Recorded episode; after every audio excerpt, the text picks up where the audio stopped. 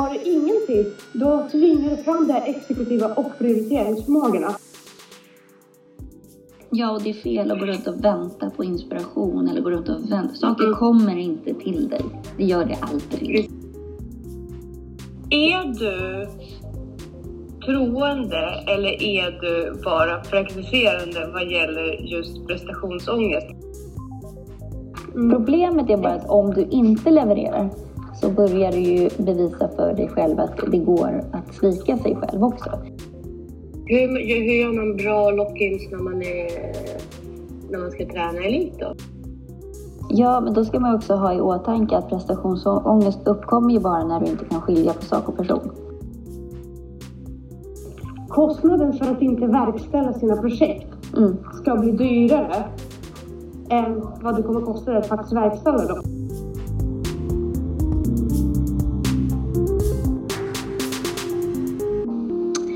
Hej Tanja! Hej Jessica! Du- Så här har vi faktiskt aldrig gjort det här förut. Nej, Du är på promenad. Jag går hem från jobbet. Ja. Jag tar min dagliga promenad hem från jobbet precis. Och vi ska göra det på det sättet. För du och jag fått, alltså vi har bokstavligen suttit och inte fått våra schema att synka. Nej, men vi har jättedåliga scheman i år. Ja, det funkar inte alls. Nej. Eller mitt, mitt schema funkar väldigt bra men det funkar inte ihop och inte, det är en helt osynkad dig. Ja, precis. Så att du hör dina steg här. Det Du, är vet du vad jag lärde mig apropå det här med exekutiva funktioner som vi pratade om sist? Berätta. Att eh, eh, fotbollsspelare har väl, fotbollsspelare som spelat i landslag har eh, extremt bra exekutiva funktioner. Det är bara några få procent av befolkningen som har det som krävs för att bli landslagsspelare i, i fotboll.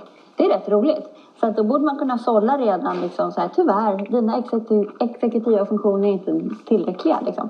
Och de som har spelat i landslag har eh, väldigt, väldigt mycket bättre än testgrupper då som inte har spelat i landslag. Så att vad är hönan och vad är ägget? Jag tror att de har väldigt bra och så kommer de med i ett landslag och så utvecklas det ännu bättre. Precis. Jag tror också det. Jag tror att det liksom eh, det blir som en positiv spiral för dem att de får mer och mer övning för det och då blir det bra. Mm, för att de har bättre än de andra elitspelarna. Alltså de som spelar i elitserien.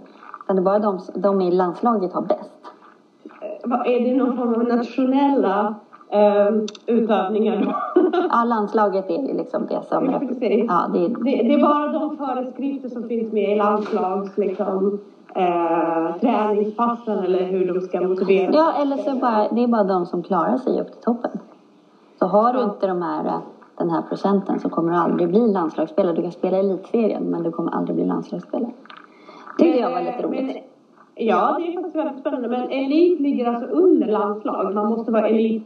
och Nej, elit, ja, precis. elit betyder ju bara att du kan försörja dig delvis på. Ja, Eh. Ja, precis. Och landslaget är ju bara de här topp, topp, topp. Det är de som representerar Precis. Sverige sen. Ja, jag fattar. Ja, nej, men det, det är intressant. Ja. Eh, Men jag tycker också att det ter sig ganska naturligt. Jag tror att de flesta elitidrottare har mycket bättre exekutiva förmågor Mm. än resten av befolkningen per definition. Mm. Och jag tror att det ökar mer med sporten därför att sporten är ju en form av jaktsimulering Mm, precis. för oss. Mm. Och det gör ju att vi kopplar på de här exekutiva förmågorna då för att då, då handlar det om resursinhämtning och det är ju basläggande för oss och då går all energi åt att öva upp det. Mm.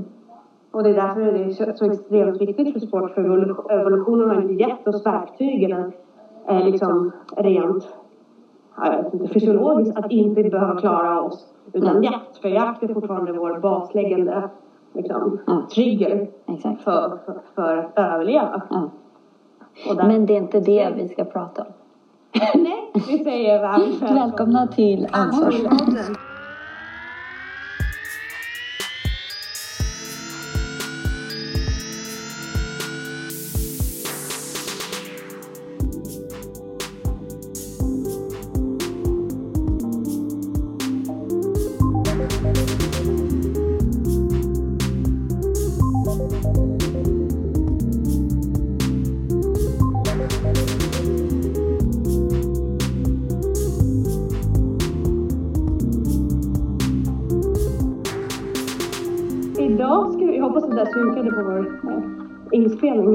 Inspelning. Eller inte. Men du skickade en fantastisk TED-talk till mig igen. Och du är ju så fantastisk på det här sättet för du vet att jag tar in allting eh, via öronen, alltså audio.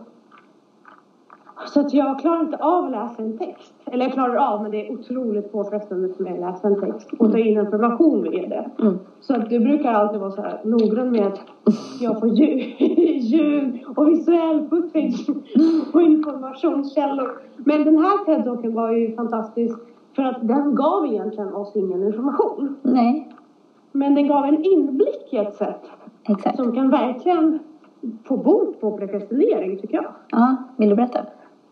Ja, eh, det är en metod som heter lock-in. Mm. Och lock-in går, in på att, eh, går ut på att eh, man ger sig själv inga utvägar att inte prestera. Mm. Så kostnad, det är plus med spel liksom, Mm. game theory. Kostnaden för att inte verkställa sina projekt Mm. ska bli dyrare än vad det kommer kosta dig att faktiskt verkställa dem. Och det är ju bara, du skadar ju bara ditt framtida jag. Det är likadant som det där vi pratade om så här, om du ska renovera någonting hemma, gör det på en gång då så du hinner Ja. bo i det. Precis. Men då kickar ju prokrastineringen in. Ja. Och är det så att bara du förlorar i det framt- framtida ja, Mm. då blir det ganska svårt att se det. Mm. Det tar ett tag att komma in i det tänkandet. Men är det så att du börjar förlora på en gång här och nu Mm. så kan det vara väldigt positiva effekter. Mm. Ja, men Men det är det här med långsiktiga belöningar också som inte... Precis. Och det måste tränas upp. Man kan inte bara gå på långsiktigt direkt. Nej. Utan man måste, man måste liksom dra moroten all längre ifrån Mm. åsnan så att säga, som Ja. han är själv i det här Precis. fallet. Ja. Men, men eh, i TED-talken så pratar han ju väldigt mycket om det här framtida jag. Ja. Bland annat tog han upp en idrottsman. Om han var en fotbollsspelare minns inte. Men, eller någon annan kändis som i alla fall ja, partajade väldigt mycket och sen så och rökte och Mm.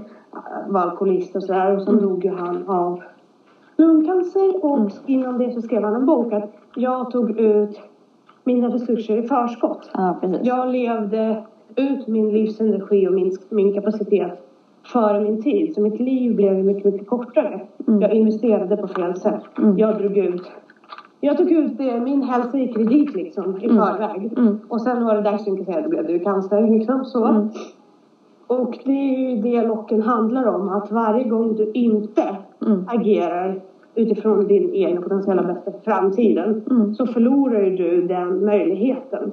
Så du stänger portar i framtiden. Så de, de sakerna som kunde hända, de fröna som kunde komma upp och Mm. gry Mm. Om, om två, tre år, de kommer ju aldrig att göra det för att du har inte gjort någonting idag Nej. som du skulle ha gjort. Nej, men man straffar ju bara sig själv. Så. Precis. Men det jag tyckte var så intressant för att han hade ett väldigt komplicerat sätt att prata om pop, äh, lock-in. Mm. Jag har ju mer, mycket mer liksom praktisk approach till det. Mm. För jag har egentligen hållit på med det väldigt, väldigt länge. Mm. Så jag inser att jag funkar ju bäst i situationer när jag inte har så mycket val. Mm, precis. Uh, Men det är det- fakt- Förlåt, Ja. fortsätt. Eh, det är ingen fara. Ja men du, kör du. Nej, men jag tänker det är det vi säger hela tiden, så tänk inte så mycket, bara gör. Precis. Men det måste ju komma. Alltså någonstans måste det första incitamentet komma. Mm. Och är man en prokrastinerare av naturen, vilket i alla fall jag är och jag vet att du också har de tendenserna Mhm. från början. Mm. Nej men du har ju pratat om det. Absolut. Från, från grunden. Ja, gud ja, verkligen. så, så är det ju viktigt då att när man tar besluten Mm. att man eh, förankrar dem i en praktisk kontrakt. Mm. Till exempel så eh, erbjöd min pappa nu, eller vi satt och snackade om så här, ah kul det vore att göra någonting av våra målerier, typ ett eh, vernissage. Mm. Och då sa jag spontant, men jag skulle säkert kunna låna en lokal från min skola så skulle vi bara kunna bjuda in lite vänner och så Mm. och hänga upp våra tavlor. Han bara, men jag har en lokal inne i stan som jag skulle kunna låna. Mm. Och då, vid det här skedet, är det så himla viktigt att bara boka den lokalen. Mm. För gör vi det, Mm. Då måste ni. vi, då måste vi börja prestera för det här ska hända i februari om det nu ska hända. Mm. Vi kommer inte ha tid att ta det här beslutet i februari. Mm. Det här måste hända nu. Kontrakten måste skrivas. Mm. Och handpenningen för vernissaget måste läggas nu. Mm. Mm. Gör vi det nu, då kommer det att bli in i en verklighet.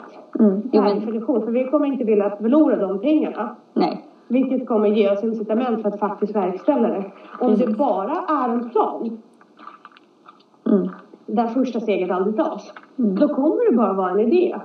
Och då tar vi ifrån oss det här i februari. Mm. För då kommer det dröja ytterligare ett halvår för vi måste verkställa, ver, verkställa konst. Liksom. Mm. Kommer ta ytterligare ett halvår då. Men så tror jag väldigt många, speciellt konstnärer, jobbar.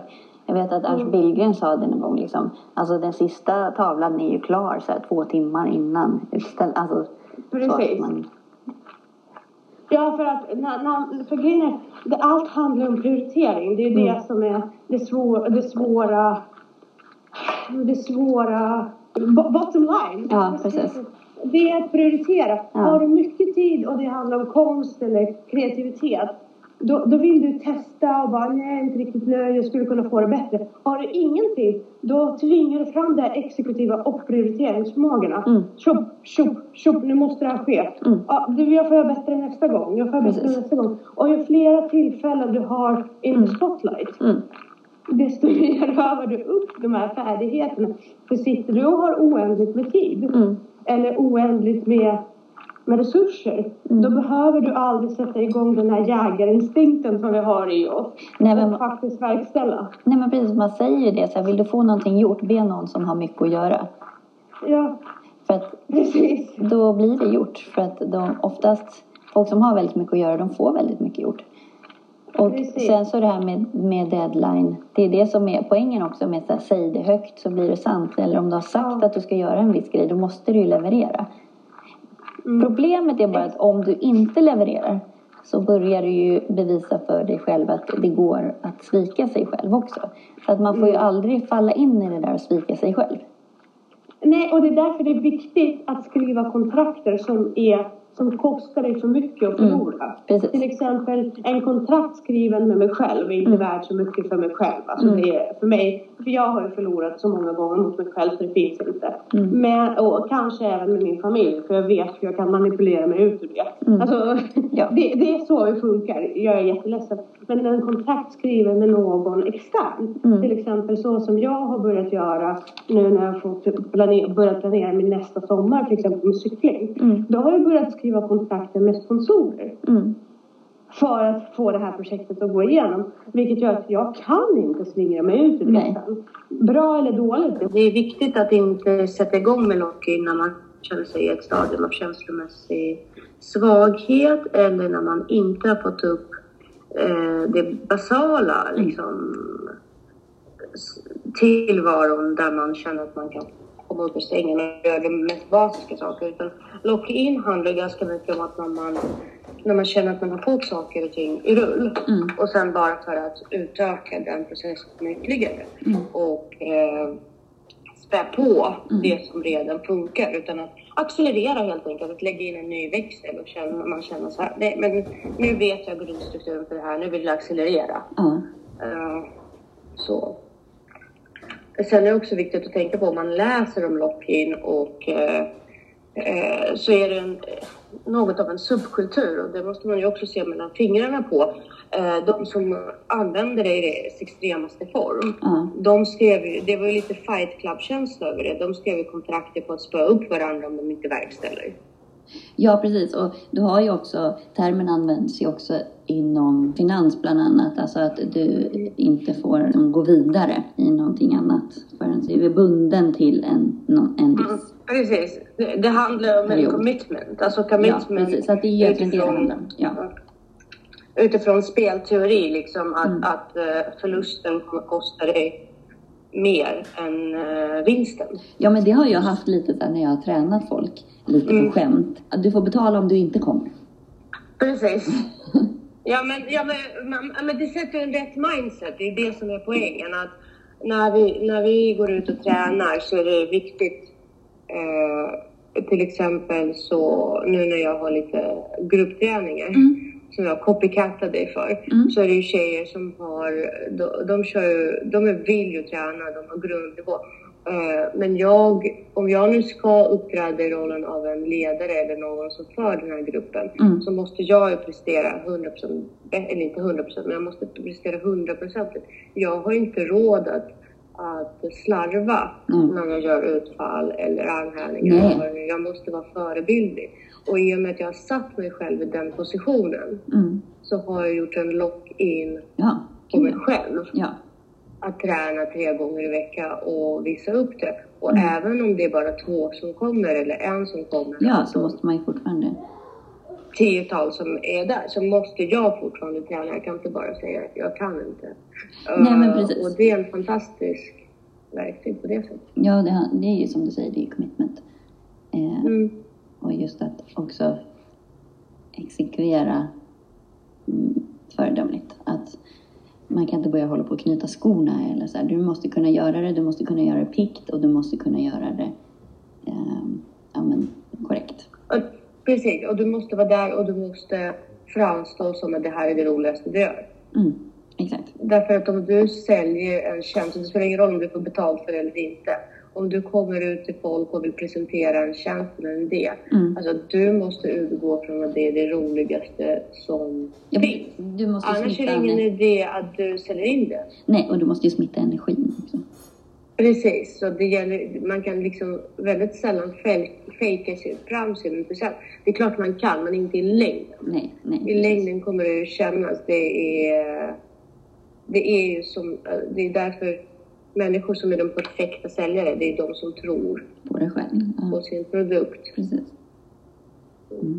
Det där är viktigt. Men eh, hur, hur gör man bra lock-ins när man, är, när man ska träna elit då? Hur, vilka knep har du? Alltså för, för min egen träning menar du? Eller? Mm, mm. ehm, Precis. Nej, men alltså det där handlar ju om... Eh, det har ju att göra med målsättningar och, och så. Och just det som jag pratat om, att man bestämmer sig. Men jag tror att ofta vill man ju någonting så starkt om du gör en sån grej, för det är så pass Mm. jobbigt. Så att det är ingenting du kan tvinga dig till, utan då är det ju att du vill nå det här målet och då gör du ju det som krävs. Eh, Mm. och sen så kanske man, eller så drivs man av att man tycker att det är så väldigt roligt att göra just den här idrotten. Eller, det, är någon, alltså det är ju resultatdrivet på ett eller annat sätt. Sen så behöver det inte vara prestationsdrivet resultat så. Det kan ju vara också bara resultatdrivet att man vill må bättre alltså i psyket. Eller att man vill ha en viss typ av kropp eller att man vill orka någonting. Man vill vara, ha en viss typ av styrka. Så att det är nog Att egentligen... stå på prispallen. Ja, men alltså det kan vara det som... Men det är ju sällan det som pushar en i de här jobbiga passen. Det kan man ju tänka på, så, gud vad kul det vore att hamna på pallen i SM. Eh, Men det är bara en tanke som fladdrar förbi. Det är inte det som driver en ut på varje pass. Eller, det är ju mer den här, hur långt kan jag gå? Hur mycket bättre kan jag bli? Mm. Hur mycket kan jag pusha mig Från själv? förra passet till nu. Ja. Eh, så Mm. Därför det, det är också viktigt att ta det i beräkning. Alltså, din inspiration och din eh, förmåga att pusha dig själv, mm, den är ganska kortsiktig. Mm. Den kommer i vågor.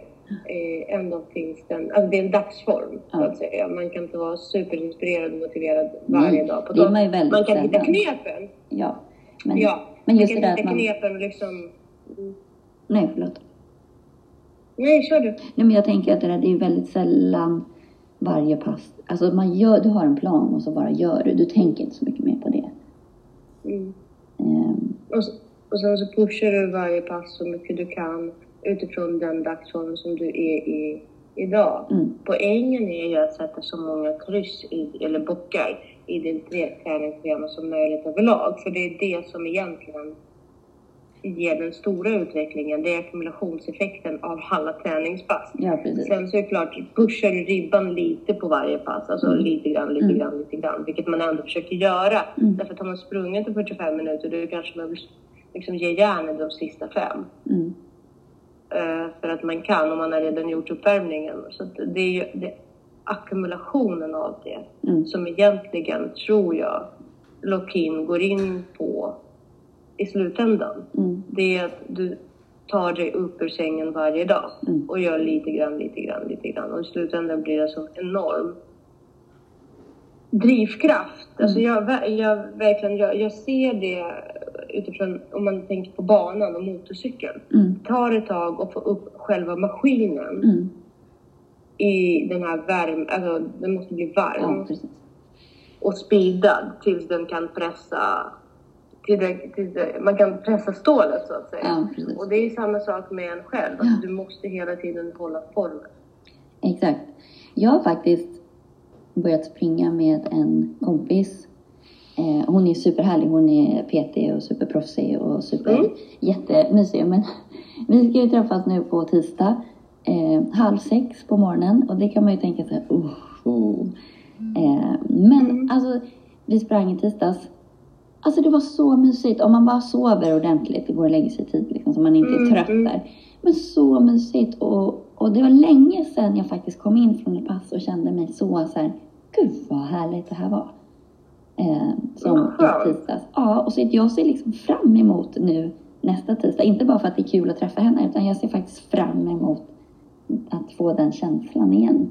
Ehm, Men vad kul med det här positiva. Ja, men hon är ju fantastisk. Hon är ju väldigt positiv och eh, härlig och väldigt... Ja men det tror jag definitivt. Jag tror också det är viktigt att göra de här sakerna när man har prestationsproblem och Mm. vill bli motiverad. Att välja människor som man ska göra det med. Ja, men Därför precis. det, om, om man nog har jobbet med att tycka det är jobbigt att gå upp eller liksom Mm. vad det nu kan vara. Mm.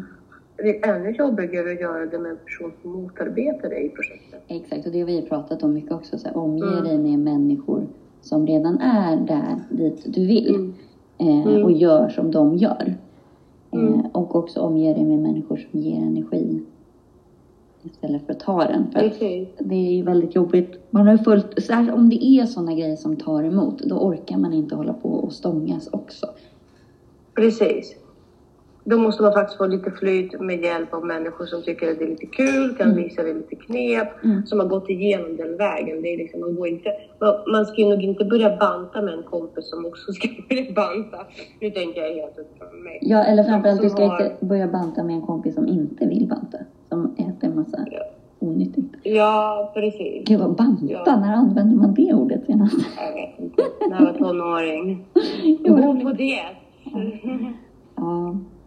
Nej men och sen så just att se till att man har energi. Alltså Mm. man måste ju se över alla sina energikällor. Alltså Mm. äta rätt, sova rätt, vila, träna.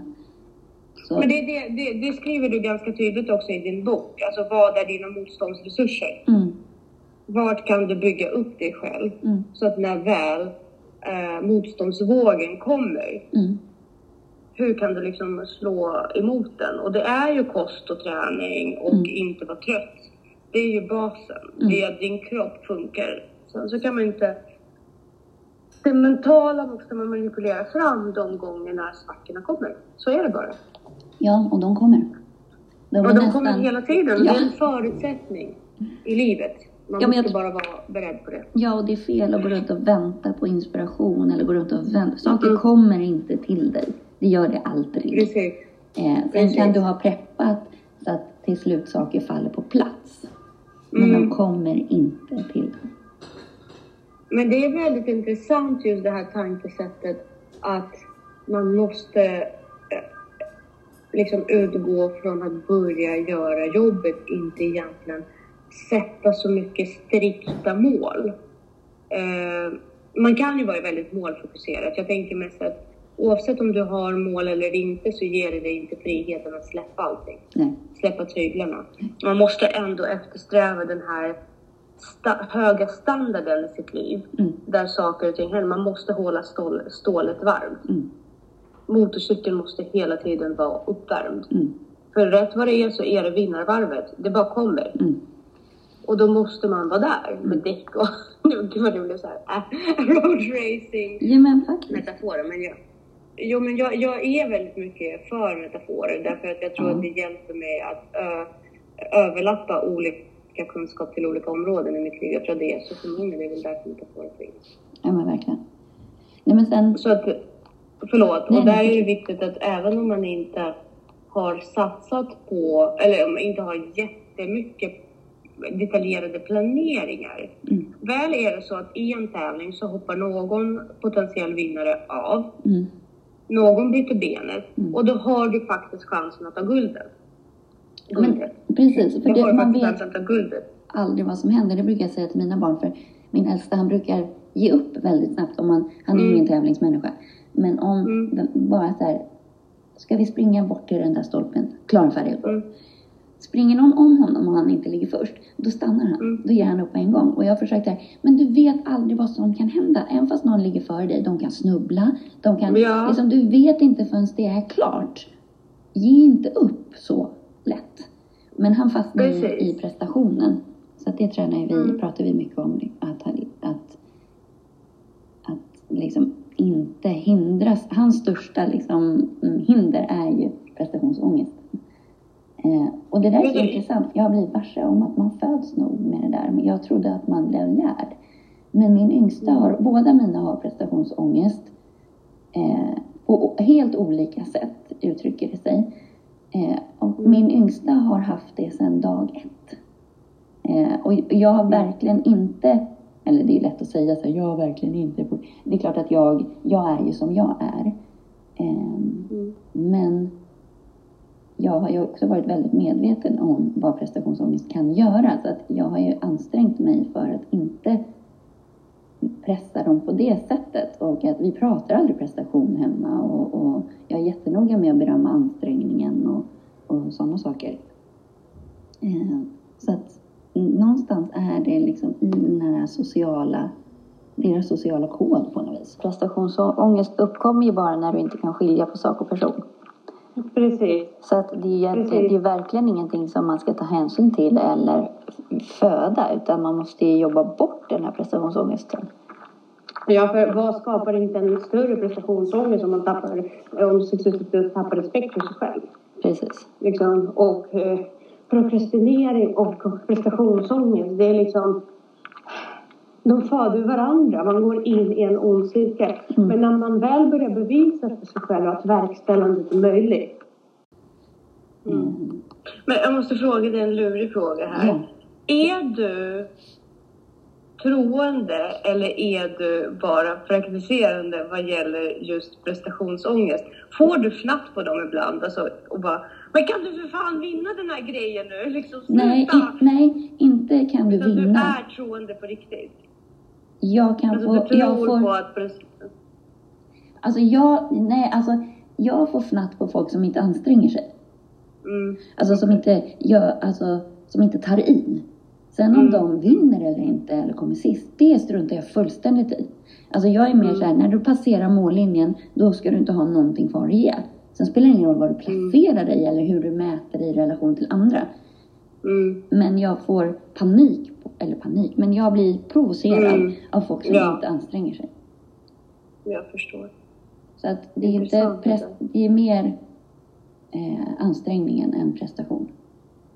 Det lite, du, motivationskraften är ju så enormt viktig. mm, Eh, och yttre motivatorer, motiverare, hur man nu ska uttrycka det, är också väldigt viktigt. Jag gjorde uh, faktiskt ett socialexperiment i 20 dragkamp med mellanstadieelever på en rast. mm, Och sen så delade jag in dem i ett ojämna lag. Mm. Av misstag, alltså det var inte... de är ju vana vid det. Ja. Ja, precis. Det blev ojämna lag. Och sen så de som hamnade på en sida, de var ganska liksom små till växt. Att de var små, Ja. små, små lite mindre elever. ja, det blir ju svårt. Och jag sa, jag gick fram till dem och så sa jag till dem, alltså nu jag försökte dra till med någonting. Jag sa till dem att om man håller repet närmare kroppen och tar in med, med, vikten Mm. så har man mycket mer chans till Mm. motstånd. Ja, Och jag bara gav dem den preppen. Mm. Ja, det är delvis sant, men det- kräver en del teknik. Men jag gav dem den preppen och jag bara, ni kommer se hur lätt ni kommer ta de här stora grabbarna Mm. och tjejerna bara om ni använder den tekniken. Och Mm. jag gav, alltså jag Ja. hade verkligen glöd Ja. ja. och, vet du fan, de vann. Ja. Jo, men De det, vann. Och jag bara, ja! men det Precis förutsätter som ju... ni gör nu! Ja, men det förutsätter ju att de andra inte hade den tekniken. Ja, precis. Vilket de inte fick just av mig just den gången. Nej. Men sen så var det blandade om lagen igen då, för vi, gjorde, vi blandade lag efter varje gång. Mm. Och sen så eh, började jag verkligen heja Ja. på de som höll på att förlora. Mm. Alltså jag bara, nej nu jäklar tar ni tillbaka det. Och så vann de. Alltså det är så fantastiskt hur det kan Det faktiskt ge effekt. är- ja, ja, det, det är ju, psykologin är ju näst, det är A och O. Mm. Det är, alltså alla, om man tittar i en elit, alltså om du tittar, eller på OS eller vad som helst, alla är ju lika bra tränade. Så det är bara den som vill det mest som vinner. Mm. Precis, alltså det, och det är så viktigt att ta med det efter Mm. alla träningspass, efter allt det här, att du har någon i ditt hejaklack som bara, alltså nu jävlar, nu jävlar, nu är det du mot Mm. liksom livet och du kommer Precis. klara det, jag vet det. Ja, och det är ju ledarskap. Ja, precis. Jag tänkte på det här, liksom, det är lite höst och lite sånt där. Ehm, lite sån där som brukar komma var Ja. månad. Precis. Och, eh, så jag tänkte bara påminna dig om att det är faktiskt svinviktigt att du får i dig eh, B-vitamin nu. Som finns i, Animaliska källor och bönor och eh, mörkgröna blad, grönsaker och rotfrukter och bär och vilket, vad bra att vi kommer att äta rotfruktspuré till middag Ja, vad härligt. Med lite B-vitamin. Jag har införskaffat järn. Ja. Jag har införskaffat vitamin D. Mm. Jag har införskaffat vitamin C. Så jag kommer använda vitamin B helt ur maten för att jag äter ganska mycket B-vitamin och jag tackar dig för påminnelsen. Jag går igenom listan på supermat som jag har en väldigt bra bok som snart kommer komma. jag älskar hur vi promotar boken. Ehm, så att eh, på lite superfoods och spana efter superfoods som innehåller B. Mm. Men det här med järn är ju lurigt alltså. Eh, för det kan ju lika gärna vara att man har D-vitaminbrist som gör att man inte kan plocka upp järnet. Och sen så hur järn kontra i systemet kontra värdena i blodet. Alltså det, är så, det är en helt egen vetenskap med järnbrist. Eh, så att ja, Jag spännande. börjar med att bara ta det. Nej men har man, eh, kroppen har ju, det ska ju finnas en balans mellan näringsämnena. Och har du järnbrist Mm. Eh, då har du mycket, då kan du ha mycket järn ute i blodet så att det inte, du visar ingen järnbrist på blodprovet. Det för att kroppen vill proportionerligt ha mindre järn eh, mot magnesium till exempel. Så då trycker den ut det lilla järnet den har för att eh, man har för mycket magnesium i relation. Ja. Så att det är inte alla gånger som, som det är bra att ta järntillskott så att man måste känna kroppen väl. Sen så kan det också vara, det finns ju det här, alltså hemjärn och serumjärn och sådär att man mäter rätt nivåer. Blöder man mycket till exempel eh, under Mm. mens, då har man ju sannolikt mer järnbrist än om man blöder mindre. Eh, så att, Mhm. mm. Nej men så här, det är superspännande men det finns folk som kan det här mycket, mycket bättre. Eh, Och sen får man ju inte glömma att tar man överskott av järn, ja, det, då ska man hålla sig utanför regnet för då kan man rosta. Eh, Exakt. Nej men du kan få järnbrist av att ta massa järn också för att du trycker Jaha. ut det. Som, ja. Men men. Men, Men eh, nu tar jag i alla fall järn. ja. Jo men om du mår bättre av det, ibland mår man ju bättre av det, då ska man göra det. Men vi Ja, behöver lite B-vitamin och C-vitamin är ju fantastiskt för immunförsvaret. Och D-vitamin också behöver vi, det är ju som ett eget hormon så att det behöver man alltid. Precis. Så att nu när det är höst och preppar, då tankar jag ganska mycket. Och sen i takt med att vitaminerna sinar i burkarna Mm. och det börjar bli vår igen, då, det är liksom det är en naturlig cirkel för mig. Exakt. Ja, det är bra. Ska vi eh, säga Tack tack för idag. Tack. Tack och jag hörs nästa vecka. Ja, vi. Hej då. Hej då.